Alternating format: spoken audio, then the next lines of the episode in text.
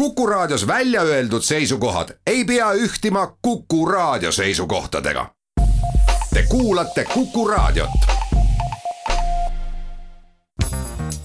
järjejutt. Lori Gottlieb, võib-olla sa peaksid kellegagi rääkima. kirjastuselt Helios. järjejutt. ole kaastundlik. hingan sügavalt sisse. Ole kaastundlik, ole kaastundlik, ole kaastundlik. korrutan seda ühte fraasi oma peas nagu mantrat samal ajal kui minu vastas olev neljakümneaastane mees räägib mulle kõikidest inimestest oma elus, kes klassifitseeruvad idiootideks. ta tahab teada, miks on maailmas nii palju idioote. kas nad sünnivad sellisena või nad mingil hetkel hoopis muutuvad idiootideks. Lõpuks tuleb ta lagedale oletusega, et äkki on süüdi hoopis kunstlikud lisaained, mida tänapäeva toidule juurde pannakse seepärast üritan ma ise tarbida põhiliselt mahetoitu, et mitte muutuda samasuguseks idioodiks nagu kõik teised, teatab John. lõpuks kaob mul juba järg käest, millisest idioodist parasjagu jutt käib. kas me räägime ikka veel hambahügienistist, kes küsib liiga palju küsimusi, mitte ükski neist retooriline, kolleegist, kes küsib ainult küsimusi tal pole kunagi ühtegi väidet, sest väited eeldavad, et sul on isiklik arvamus tema ees sõitnud autojuhist, kes juba enne kollase tule süttimist seisma jäi, inimene ei taipa, et teistel on kiire. või Apple'i esinduspoe Genius Bari tehnikust, kes ei suutnud tema arvutit korda teha, kah mul geenius. John, üritan ma sõna sekka saada, aga tema on jõudnud juba oma naise teemadel heietama hakata. inimene on väidetavalt tulnud abi saama aga minu arvamusest pole ta sellegipoolest absoluutselt huvitatud. ah jaa, muide, mina olen tema uus terapeut põhjusel, et eelmine oli kena inimene, aga idioot ning pidas vastu kõigest kolm kohtumist. nii, ja siis Margo vihastab minu peale, suudad sa seda uskuda? Tänitab ta. aga ta ei ütle mulle, et ta on vihane, ta käitub vihaselt. ja siis eeldab, et ma küsin, miks ta vihane on aga ma tean väga hästi, et kui ma küsin, siis ta väidab esimesed kolm korda, et tal ei ole häda midagi. heal juhul neljandal või viiendal korral lõpuks vastab, et ma peaks teadma, mis tal häda on ja siis mina ütlen, et kui ma teaks, siis ma ei küsiks ju. peale oma kõnet naeratab mees laia naeratust ja ma katsun seda hetke ära kasutada. mida iganes, et monoloog dialoogiks pöörata ja patsiendiga mingigi kontakt saavutada sinu naeratus tekitab minus huvi. ühest küljest räägid sa inimestest, kes sind frustreerivad, kaasa arvatud Margo, aga sellest hoolimata naeratad. Johni irve venib aina laiemaks. taban end mõttelt, et polegi varem kellelgi nii valgeid hambaid näinud, sest need helgivad tõesti nagu teemandid. ma naeratan, Sherlock, sest ma tean täpselt, mis mu naisel viga on, teatab John võidurõõmsalt ahaa, mis siis? oot-oot, ma ei ole kõige parema kohani veel jõudnudki. nii, ühesõnaga, tegelikult ma ju loomulikult tean, mis tal viga on, aga mind lihtsalt ei huvita mingi järjekordne kaebus. seepärast ma otsustangi seekord mitte küsida, vaid hoopis ta teeb jutu sisse pausi ja piilub kella minu selja taga raamaturiiulil. kuna just nüüd on mul järjekordne võimalus patsiendil hoogu maha võtta, võiksin kommenteerida sedasama kella vaatamist. kas ta tunneb, et peab kiirustama või uurida, miks ta mind just Sherlockiks kutsus. kas ma käin talle närvidele? Võiksin keskenduda muidugi ka Johni narratiivi pindmisele osale ja katsuda aru saada, miks ta kasutab Margo tunnete kirjeldamiseks sõna kaebus. sellisel juhul ei saavutaks ma temaga ka head kontakti, sest John nagu ma hakkan aru saama, on inimene, kellel on raske inimesi endale ligi lasta. ma tahaks korraks tagasi pöörduda selle juurde, mida sa just ütlesid. proovin ma ohjasid enda kätte haarata, aga John saab asjadest taaskord talle endale sobivalt aru. väga hea, mul ongi sellest rääkimiseks veel tervelt kakskümmend minutit järel. ta jätkab Margo teemal. tunnen, kuidas haigutus tuleb peale väga suur haigutus ja mul on tunne, et lõualuude kooshoidmiseks läheb vaja ebainimlikku pingutust. tunnen, kuidas lihased panevad vastu ja väänavad näole kummalisi ilmeid, aga õnneks jääb haigutus ikkagi tulemata. Kahjuks tahab selle asemel minust välja pressida hoopis päris jõuline rühatus, nagu oleksin purjus. krooksu tõttu kipub ka mu suu jälle lahti hüppama ning silmad valguvad vett täis, kui seda vältides huuli kokku surun John ei märka loomulikult midagi ja jahub ikka veel oma Margost. Margo tegi seda, Margo tegi toda, mina ütlesin nii, tema ütles naa ja siis mina ütlesin, mille peale tema ütles. Õpingute ajal ütles juhendaja mulle, et kõikides inimestes on võimalik leida midagi meeldivat ning oma suureks üllatuseks olen avastanud, et tal oli õigus. kui kedagi põhjalikult tundma õpid, hakkab ta sulle mingil määral kindlasti meeldima kui keegi ajaks ühte tuppa kokku maailma suurimad vihavaenlased, paneks nad jagama oma arengulugusid, hirme ja läbielamisi, saaksid nad ühel hetkel sõpradeks. Terapeudina olen ka ise lõpuks kõikides oma patsientides midagi meeldivat leidnud, isegi selles kutis, kes pani toime mõrvakatse. suure raevu all oli tegelikult peidus hell hing võib-olla sa peaksid kellegagi rääkima, soovitab Jen, kes mulle kaks nädalat peale lahkuminekut kontrollkõne teeb. sa peaksid leidma mingi koha, kus sa saad olla mitteterapeut ja end täiega välja elada. Vaatan end ukse kõrval rippuvast peeglist, kus tavaliselt kontrollin enne patsiendi sisenemist, et mul poleks huulepulka hammastel hoolimata sellest, et pea käib ringi ja reaalsustajuga on halvasti, näen ma täiesti okei okay välja patsientidega tegelemise vastu pole mul samuti midagi, lausa vastupidi. iga inimene tähendab järjekordset viitkümmet minutit, mil saan omaenda probleemide eest põgeneda. Pigem on pausid vastuvõttude vahepeal need, mis mulle üle jõu käivad ning mida päev edasi, seda halvemini ma end tunnen. ma ei maga ja mu keskendumisvõime on täielik null näiteks olen suutnud oma pangakaardid supermarketi kassasse unustada, tanklast lahtise bensiiniluugiga minema sõita ja omaenda garaažis niimoodi ninali käia, et põlv verine. mul on rinnus säärdune valu, nagu oleks süda puruks litsutud, kuigi ma tean, et kohe kindlasti ei ole. see ju klopib tohutu kiirusega kakskümmend neli seitse, mis on ärevuse tunnus. mõtlen pidevalt selle peale, kuidas elukaaslane ise on kindlasti vana rahu ise ja oma valikus kindel, samal ajal kui mina leban öösiti oma magamistoa põrandal ja igatsen tema järele, mõeldes samal ajal kinnismõtteid sellest, kas ma ikkagi igatsen konkreetselt teda või oma ettekujutust temast. kas ma üldse tundsin seda meest? seega, kui Jen arvab, et ma peaksin ise terapeudi abi otsima, olen ma temaga sada protsenti nõus. mul oleks tõesti vaja kedagi, kes aitaks mul kriisist välja tulla. aga kes? õiget terapeuti leida ei ole lihtne. See on palju raskem, kui leida hea sisehaiguste arst või hambaarst, sest neid on kõigil vaja ja neid leidub kõikjal. lisaks peab terapeudi otsingul arvesse võtma asjaolusid, mida teiste tervishoiuspetsialistide puhul ette ei tule kui küsid kelleltki, kas ta oskab sulle head psühholoogi soovitada, aga see inimene ise ei käi psühholoogi juures, võib talle tunduda, et sinu arvates on ta inimene, kes peaks psühholoogi juures käima ning ta solvub. Samas võib juhtuda, et kui ta päriselt käibki psühholoogi juures, aga pole sellest kellelegi rääkinud, hakkab ta närveerima, et kas see, et tal pole kõik korras, paistab tõesti välja. või et kust sa seda teada võiksid sinu käest võidakse seepeale küsida, mis asjus sul psühholoogi juurde vaja minna on. mis juhtus? abikaasaga on ikka kõik hästi teil. ega sul deprekat pole?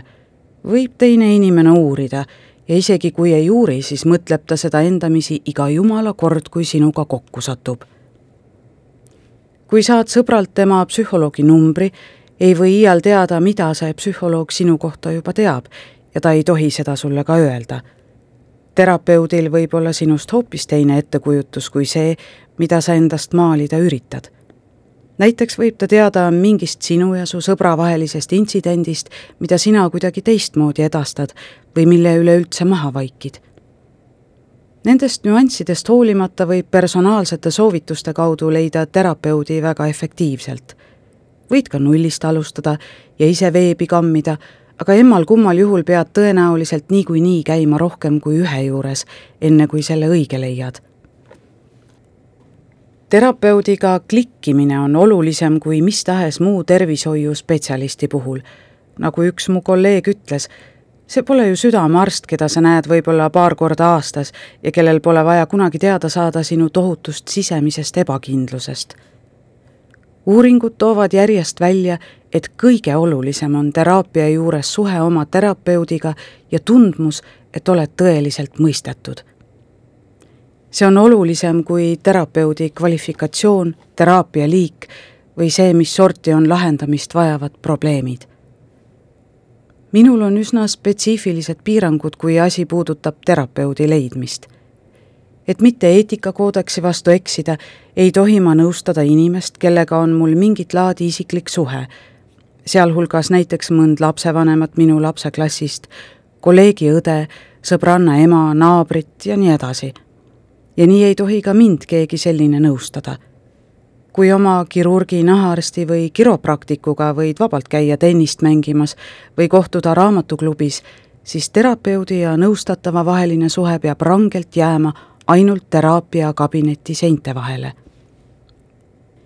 see ahendab minu väljavaateid päris korralikult, sest mul on suur hulk terapeutidest tuttavaid, kellega ma suhtlen nii töös kui eraelus pealegi tunnevad kõik mu lähedasemad sõbrannad, kes on terapeudid, nagu näiteks Jen, omakorda paljusid terapeute, keda ma ise ehk ei tunne, aga kelle juures oleks mul imelik käia, teades, et tegemist on minu sõbranna sõbrannaga. miks ei uurinud ma mõnelt kolleegilt, kellega mul on puhtalt töösuhe? noh, teate, ma ei tahtnud, et keegi neist saaks teada, et ma ise kiiremas korras teraapiat vajan mind vaevas kahtlus, et oma murega kolleegide poole pöördumine lõpeb sellega, et nad ei julge mind enam isegi ühelegi inimesele soovitada. teraapiakabinetti jõudes ei pruugi inimesed alati olla oma kõige kehvemas seisus, aga kohe kindlasti pole nad ka oma parimas. kes on ahastuses, kes kaitsepositsioonil, kes segaduses ja kelle peas on üldse täielik kaos ühiseks näitajaks on aga alati halb tuju. selline inimene prantsatab siis sinu sohvale, vaatab ootava näoga otsa, lootes leida kohest mõistmist ja muidugi mõista kiiret lahendust oma elumuredele. kiireid lahendusi pole meil terapeutidel aga pakkuda, eriti kui patsient on veel täiesti võõras. inimesed esitavad oma elust meile stseene, justkui pildikesi. selleks, et piltide vahel lüngad täita, inimese ootused ja lootused, unistused, tunded ja käitumismustrid välja selgitada, läheb kõvasti aega. üsna loogiline, et kui teraapiasse jõudmise põhjus on saanud kuude, vahel lausa aastate kaupa haududa, ei lahenda seda paari viiekümneminutilise seansi käigus. kriisiolukorras inimesed sellest muidugi aru ei saa. tahetakse, et psühholoog midagi teeks ja kohe kannatlikkusest, mida terapeudilt oodatakse, pole patsiendi enda puhul juttugi. veel enam, ka vastutus tervenemisprotsessi eest pannakse terapeudi, mitte iseenda peale. miks valida elukutse, mis nõuab ajaveetmist ühe õnnetu, stressis ja katkise inimesega teise järel?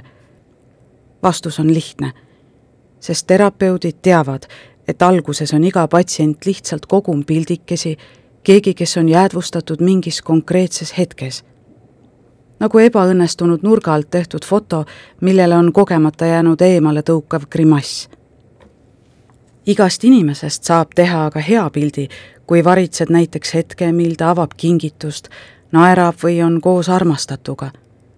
mõlemal fotol on see isik mingis konkreetses ajahetkes, mis ühtlasi tähendab, et kumbki neist ei kirjelda terviklikku pilti, tegelikku reaalsust pikema teraapia käigus selgub alati, et kõik killukesed, mida meile oma elust näha tuuakse, on seotud mingi ühe kindla teemaga.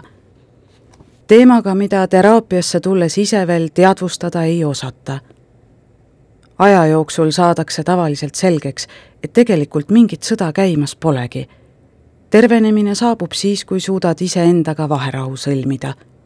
seega terapeudid kuulavad, nõustavad, julgustavad, juhendavad ja vahel keelitavad patsiente nägema ka teistsuguseid hetki, teistsuguseid vaatenurki nii iseendale kui enda ümber toimuvale, et seda suurt pilti kokku saada. see on nagu fotoalbumites tuhnimine ja lappamine. osa pilte on häirivad ja tuletavad meelde, et meil kõigil on tumedam pool. mõned stseenid on aga segased, sest inimesed ei mäleta möödunud sündmusi kunagi väga detailselt, et mis täpselt juhtus ja kes mida ütles. seevastu sööbib mällu alati tunne, mida mingi kindel olukord tekitas mina ise aga manan endale iga kord silme ette pildi, milline võiks patsient olla peale teraapia läbimist. see justkui aitab mul hoida sihti, mida inimene ise hoida ei suuda ning teraapia käiku paremini juhtida. Mäletan, et keegi kirjeldas kuskil loovust selliselt, et see on võime tabada ühe nähtuse essentsi ja mingi muu nähtuse essentsi ning need siis selliselt kokku sobitada, et tekib täiesti omaette kolmas nähtus see sarnaneb natuke sellega, mida mina teen. ma võtan patsiendi pakutud pildikesed, panen kõrvale oma ettekujutuse ning seejärel sobitubki lõpuks kokku täiesti uus pilt. Ma loodan, et ka Wendell kujutab mind ette sellisena, nagu ma võiksin olla, sest meie esimestel kohtumistel ei esitle ma end just kõige parematest külgedest kuna olen pisut varem Wendelli juurde jõudnud, tuleb mul veeta aega tema ooteruumis, mis on täpselt sama ebatavaline kui tema kabinetki. kui olen viis minutikest ajakirju lapanud, avaneb kabineti uks ning sealt kiirustab välja mingi naine. Näen teda pabersirmi vahelt vaid sekundiks, aga piisavalt registreerimaks, et ta on ilus, hästi riides ja nutab. huvitav, miks? mul läheb üks hetk aega ilmub ka Wendell ja suundub, ma eeldan, tualettruumi. kui ta sealt naaseb ja mind kabinetti viipab, ei juurdle ma enam sekunditki ning võtan suuna otsejoones punkti A akna all, istun maha ja asun kohe asja kallale bla, bla. Blablabla, alustan oma juttu ja kujutad sa ette, elukaaslane ütles siis blablabla, mille peale mina ütlesin blablabla. vähemalt olen kindel, et niimoodi mu jutt Wendelile kõlada võib. lisaks on mul seekord kaasas kronoloogilises järjekorras nummerdatud ülestähendused, sellised, nagu ma kunagi ajakirjanikuna intervjuude ajal tegin. Kõigepealt tunnistan Wendelile üles, et olen vahepeal murdunud ja elukaaslasele helistanud. kuna mees aga ei võtnud vastu, jätsin talle postkasti teate ning tundsin siis päev läbi piinlikkust, et olen üks neist tüütutest inimestest, kes ei taha kuidagi leppida sellega, et nad on maha jäetud. üsna varsti pärast lahkuminekut rääkisin sellest ka oma kaheksa-aastasele pojale Säkile. Proovisin seda teha võimalikult lihtsalt ja lühidalt ning selgitasin õhtusöögilauas, et elukaaslane ja mina olime ühiselt otsustanud, väike kirjanduslik liialdus, et me siiski ei sobi kokku Zack langes näost ära ning näis olevat korraga nii üllatunud kui segaduses. tere tulemast klubisse. miks? küsis ta. Rääkisin talle, et enne kui kaks inimest abielluvad, peavad nad väga hästi järele mõtlema, kas nad oleksid teineteisele head partnerid nii praeguses hetkes kui ka kogu ülejäänud elu. ning kuigi me elukaaslasega teineteist palavalt armastasime, jõudis meie mõlemani arusaam, jällegi kirjanduslik liialdus, et meil oleks targem leida endale inimene, kes meiega kaugemas perspektiivis paremini sobiks. Laias laastus oli see tõsi, kui mõned väikesed detailid ja mitmuses esitatud väited välja arvata. miks? küsis Zack uuesti nii hapu näoga, et mul hakkas temast tõsiselt hale. miks te ei oleks siis head partnerid? no mäletad, kuidas sa olid Asheriga hea sõber, aga siis hakkas teda jalgpall ja sind korvpall tõsisemalt huvitama? Zack noogutas. Te meeldite teineteisele endiselt, aga te lihtsalt veedate rohkem aega lastega, kellel on samad hobid nagu teil. aa, et teile meeldivad nüüd erinevad asjad. just, ütlen ma ja lisan mõttes. minule meeldivad lapsed, aga tema jällegi vihkab neid. mis asjad siis? näiteks mina tahaksin rohkem kodus olla, aga tema tahaks rohkem reisida. lapsed ja vabadus on vastandid. Kui kuningannal oleks munad miks te siis ei saa kompromissi teha, et vahel olete kodus ja vahel käite reisil? nii terane küsimus pani mind mõtlema. võib-olla saaksimegi, aga see lugu sarnaneb natuke ka tolle korraga, kui sind pandi koos Sonjaga plakatit tegema ja tema tahtis selle katta roosade liblikatega, sina aga kloonisõdalastega. Lõpuks panite sinna kollased draakonid, mis oli päris lahe, aga mitte see, mida kumbki teist oleks päriselt tahtnud järgmisel korral olid Theoga paaris ja kuigi teil olid erinevad mõtted, olid need ka piisavalt sarnased. nii et kumbki tegi kompromissi, aga mitte nii suure, kui teie Sonjaga tegema pidite. Säkki õlitas lauda. kõik peavad mingil hetkel kompromisse tegema, et teistega hästi läbi saada, jätkan ma aga kui sa pead liiga palju kompromisse tegema, on raske olla abielus. kui üks tahab kogu aeg reisida ja teine kogu aeg kodus olla, võib paha tuju liiga tihti tekkida. kas kõlab loogiliselt? jah, ütles Zack, istus natuke aega vaikselt, vaatas siis mulle otsa ja purskas erutatult. ema, kui ma söön banaani, kas ma tapan selle siis ära? mis asja? Olin ma järsust teemavahetusest segaduses. tead küll, nagu lehma peab ära tapma selleks, et liha saada see, mispärast taimetoitlased ei söö liha. ahaa, noh, kui me banaani puu otsast alla võtame, kas ta siis sureb? ma arvan, et sellega on nagu juustega. juuksekarv kukub ära, kui see on valmis surema ja uus kasvab sinnasamasse asemele. uued banaanid kasvavad samuti vanade koha peale. Säkk kummardus erutatult ettepoole.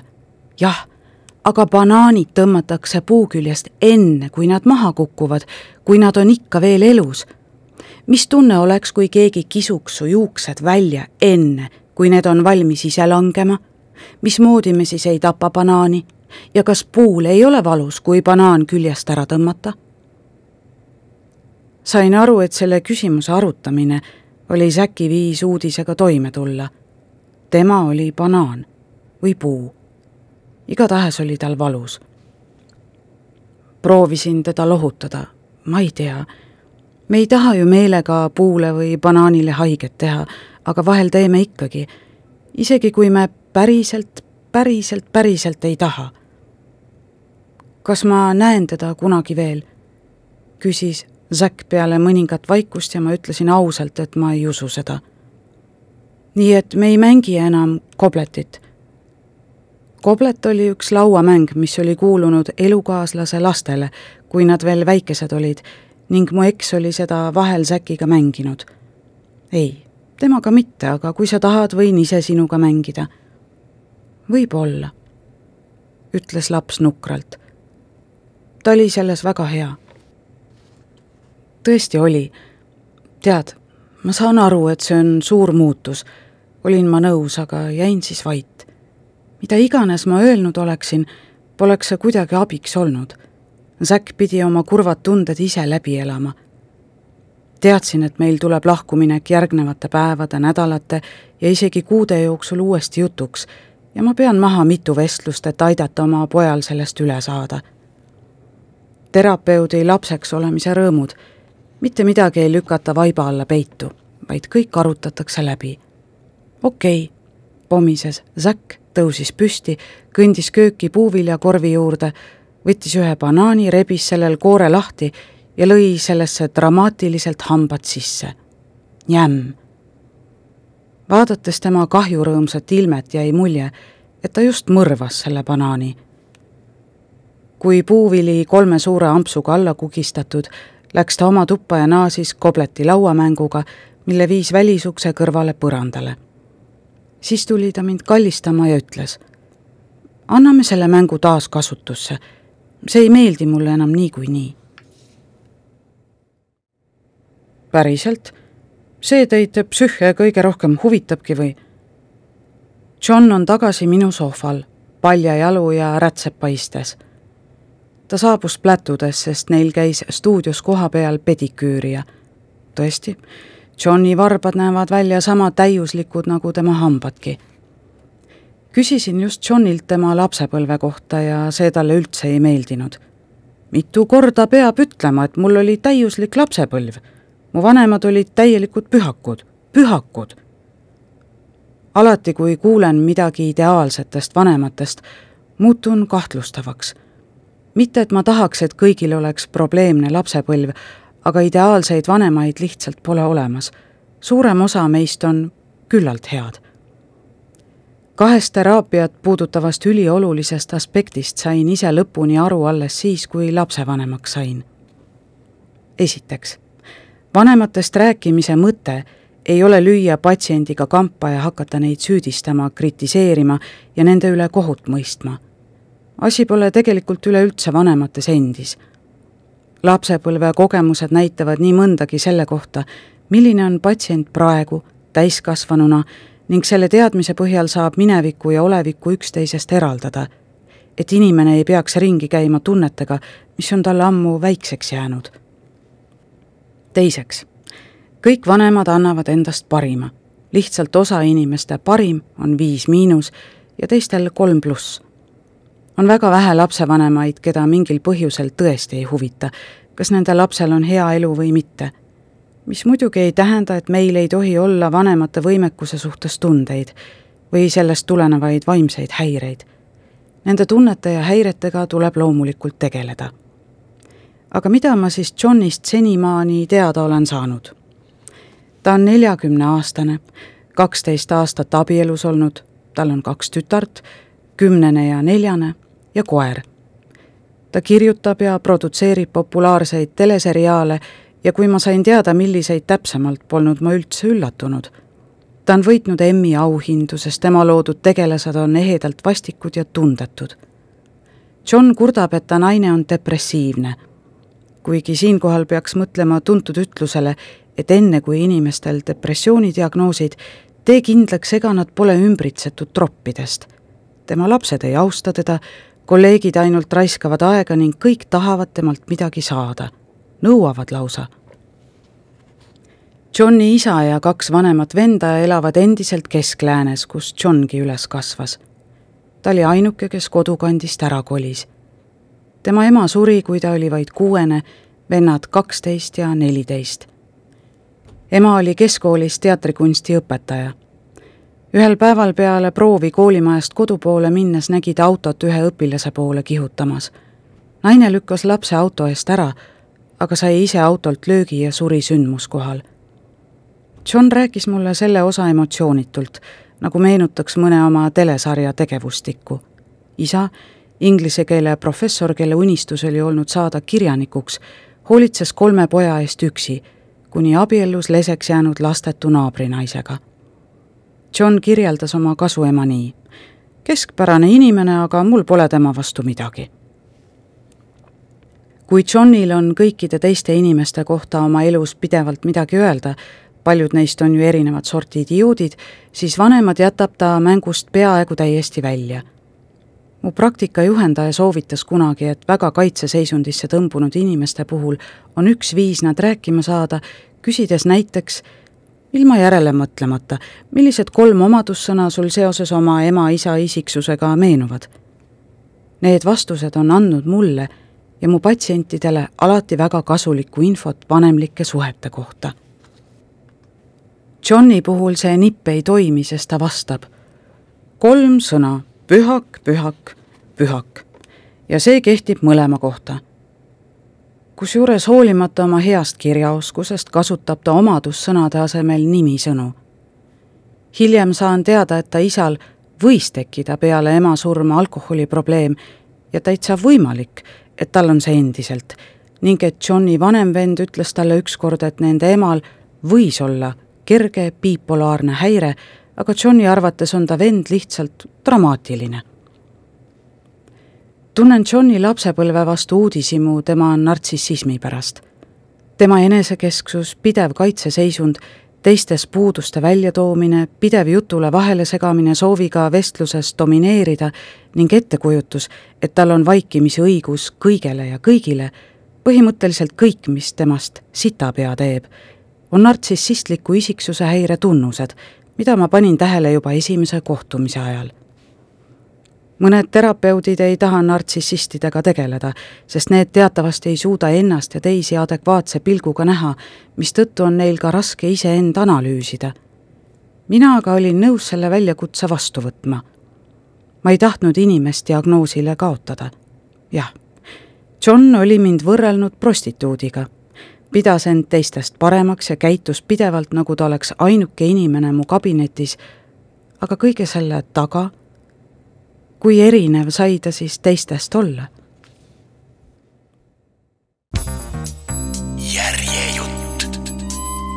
Lori Gottlieb, võib-olla sa peaksid kellegagi rääkima. kirjastuselt Helios. järjejutt